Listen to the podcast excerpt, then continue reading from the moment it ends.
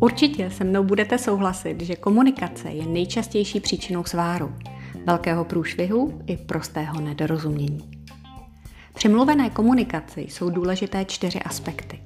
A těmi jsou tón hlasu, jeho tempo, konkrétní slova, která zvolíte a řeč těla, kterou komunikaci doprovodíte.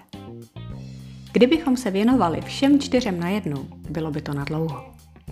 Pro tentokrát jsem tedy zvolila jeden aspekt, který se mi jak při běžné společenské konverzaci, tak i při tvrdém obchodním vyjednávání osvědčil.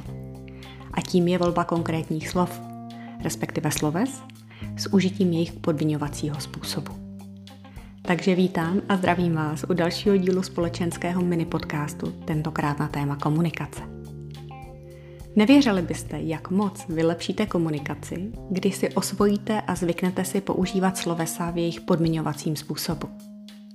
Mně osobně k tomu pomohla angličtina, protože ten, kdo v Anglii nepoužívá podmiňovací způsob, je automaticky zařazen do nižší sociální skupiny, byť se jedná o cizince.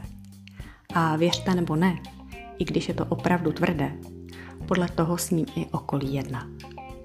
Takže se vám skutečně vyplatí slovesa v podmiňovacím způsobu do své komunikace zařadit. A to i tady u nás v České republice. A teď již pojďme na konkrétní případy. Nejdříve sloveso chtít. Na místo chci, abyste dodrželi podmínky, které byly dohodnuty, je lepší použít chtěla bych a trvám na tom, aby byly dodrženy podmínky, které byly dohodnuty. Nenechte se vůbec mílit, ono totiž být zdvořilý neznamená nechat si všechno líbit, anebo nechat se utáhnout na vařený nudle. Právě naopak. I zdvořilou komunikací si můžete velmi tvrdě hájit svoje zájmy. Dále sloveso moci. Na místo můžu se na to podívat? Lépe mohla bych se na to podívat? Nebo ještě lépe směla bych se na to podívat?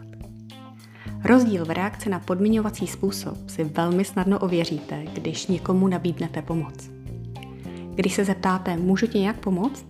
Reakce je převážně velmi strohá.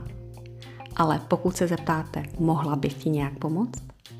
Reakce je už zpravidla daleko emotivnější a příznivější. Opravdu si doporučuji to vyzkoušet, budete sami překvapeni. A na závěr ještě jeden malý komunikační tip, který se podmiňovacího způsobu netýká. Často se v komunikaci stává, že použitím tvrdého záporu nebo negace ustane komunikace na mrtvém bodě. Proto si dovoluji doporučit se záporem pracovat opatrně, jako například použití toho a toho je nevhodné, musíte to opravit. Lépe to odlehčíte, když řeknete použití toho a toho není vhodné, je nutné nalézt řešení, jak to upravit. Nebo tohle provedení je nebezpečné. Lépe, když řeknete, tohle provedení není bezpečné, je nutné to vyladit. A tak podobně. A to je dnes všechno. Pokud se vám obsah tohoto podcastu líbí, budu více vděčná, najdete-li pár sekund navíc a přidáte své hodnocení. A nebo nazdílíte jeho odkaz dál. Protože čím víc lidí si ho poslechne, tím víc lidí se k sobě bude chovat lépe. Děkuji za pozornost a mějte se krásně. thank you